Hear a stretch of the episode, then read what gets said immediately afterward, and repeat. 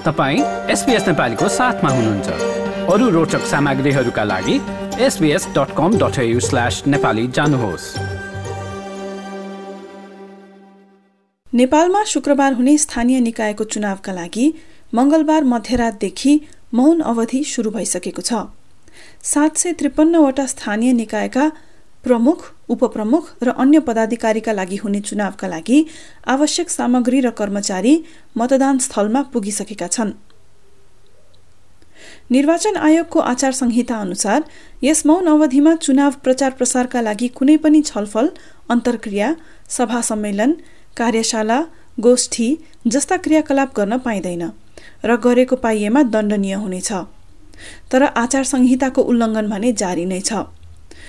मौन अवधिमा प्रेस विज्ञप्ति निकालेको भनेर निर्वाचन आयोगले सत्तारूढ गठबन्धन निकटको पत्रकार संगठनहरूसँग स्पष्टीकरण समेत सोधेको छ।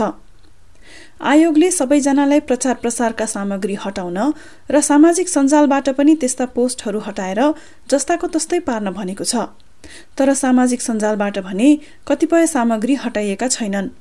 यसका साथै आचार संहितामा प्रचार प्रसारका लागि उम्मेद्वारले खर्च गर्न सक्ने रकमको तोकिएको सीमाभन्दा बढी नै उम्मेद्वारहरूले खर्च गरेको पनि देखिएको छ। कुल पैँतिस भन्दा बढी पदका लागि डेढ लाखभन्दा बढी उम्मेद्वारी परेको निर्वाचन आयोगले बताएको छ। चुनावका लागि सत्तारूढ दलहरू नेपाली काङ्ग्रेस माओवादी नेकपा एकीकृत समाजवादी जनता समाजवादी पार्टी र राष्ट्रिय जनमोर्चा पार्टीले गठबन्धन बनाउने निर्णय गरेका छन्। तर केन्द्रीय स्तरमा यस्ता निर्णय गरिए तापनि थुप्रै स्थानीय तहमा कार्यकर्ताहरूले यस्तो गठबन्धनको विरुद्धमा आक्रोशित भइरहेका छन्। भरतपुरमा माओवादी नेता प्रचण्डकी छोरी रेणु दाहाललाई नेपाली काङ्ग्रेसले समर्थन गरेपछि नेपाली काङ्ग्रेसका कार्यकर्तामा निकै असन्तुष्टि देखिएको छ भने पछिल्लो निर्वाचनमा मतपत्र च्यातेर विवादित बनेकी दाहालको पक्षमा बोलेपछि नेपाली काङ्ग्रेसका अध्यक्ष शेरबहादुर देउबा यसपटक आलोचित बनेका छन्। यो गठबन्धन टुटाउने षड्यन्त्र छ। यो षड्यन्त्रमा फस्यो भनेदेखिलाई हाम्रो पार्टी पनि खतम हुन्छ उहाँहरू पनि। कुनै पनि हालतमा यो गठबन्धन टाउने षड्यन्त्र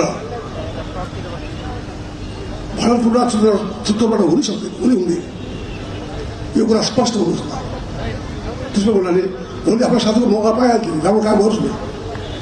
उहाँ पछि छोड्नुहोस् भन्नु हामीलाई सहयोग गर्नु भन्नु नि। मलाई सहयोग गरेर हेर्नु पऱ्यो हामीले त्यसो हुँदा चाहिँ हाम्रो कर्तव्य हो अहिले उहाँलाई जिताउनु पर्ने यस्तो राम्रो काम गर्ने मान्छे हरायो भनेदेखिलाई भरतपुर लगायतका ठाउँमा गठबन्धनप्रति चित्त नबुझेपछि बाघी उम्मेद्वार पनि उठेका छन्। बाघीलाई उम्मेद्वारी फिर्ता दिन लगाउनका लागि शीर्ष नेताहरूले दौडधुप गरिरहेका थिए। नेपाली काङ्ग्रेसका शीर्ष नेताहरू शेरबहादुर देउवा र रामचन्द्र पौडेलकै गृह जिल्लामा पनि गठबन्धनको तालमेल हुन सकेको छैन। देशभरि नै यस्ता अचम्मका गठबन्धन भइरहेका छन् जहाँ विगतमा नितान्त विपरीत सिद्धान्त भएका नेपाली काङ्ग्रेस र माओवादीले एउटै उम्मेद्वार उठाइरहेका छन्। काङ्ग्रेसलाई हँसिया हतौडामा वा माओवादीलाई रुख चिन्हमा मतदान दिन नेताहरू आग्रह गरिरहेका छन् भने माधव नेपाल र झलनाथ खनालले पहिलो पटक सूर्य चिन्ह छोडेर नयाँ चिन्ह कलम अन्तर्गत प्रतिस्पर्धा गर्दैछन्। यी तीन दलका शीर्ष नेतामा पनि असन्तुष्टि देखिएको छ। भागबण्डामा आफ्नो दललाई कम स्थान दिइएको नेकपा एकीकृत समाजवादीका माधव नेपालले गुनासो गरेका छन् भने नेपाली काङ्ग्रेसका शेरबहादुर देउबा र माओवादीका प्रचण्डका बीचमा गठबन्धनको भविष्यबारे अविश्वास देखिएको छ। त्यस्तै कतिपय स्थानीय निकायमा भने गठबन्धनका दलहरूको कुरा नमिलेको उम्मेद्वार संख्याले देखाएको छ। पैँतिस भन्दा बढी पदका लागि गठबन्धनको मात्रै झण्डै पचहत्तर हजार उम्मेद्वारी परेका छन्। अर्थात् सबै ठाउँमा गठबन्धन हुन सकेको छैन। यसै क्रममा काठमाडौँको मेयरको दौड चर्चित बनेको छ।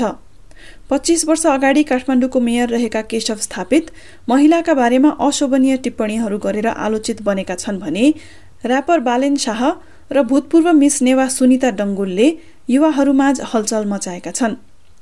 यो परिदृश्यले फेरिदो चुनावी प्रचार प्रसार गर्ने शैलीको पनि उदाहरण दिएको छ। घर दैलो अभियान र पर्चा पोस्टर सँगसँगै सामाजिक सञ्जालमा पनि सबै दलहरूले चुनावको प्रसार गरिरहेका छन् भने विशेष गरी युवाहरूले युवा उम्मेद्वारका पक्षमा अनलाइन अभियानहरू पनि सञ्चालन गरिरहेका छन्। यो जस्तै अन्य प्रस्तुति सुन्न चाहनुहुन्छ? एप्पल पोडकास्ट गुगल पोडकास्ट स्पोटिफाईमा हामीलाई खोज्नुहोस् वा तपाईँले पोडकास्ट सुन्ने अन्य सेवामा।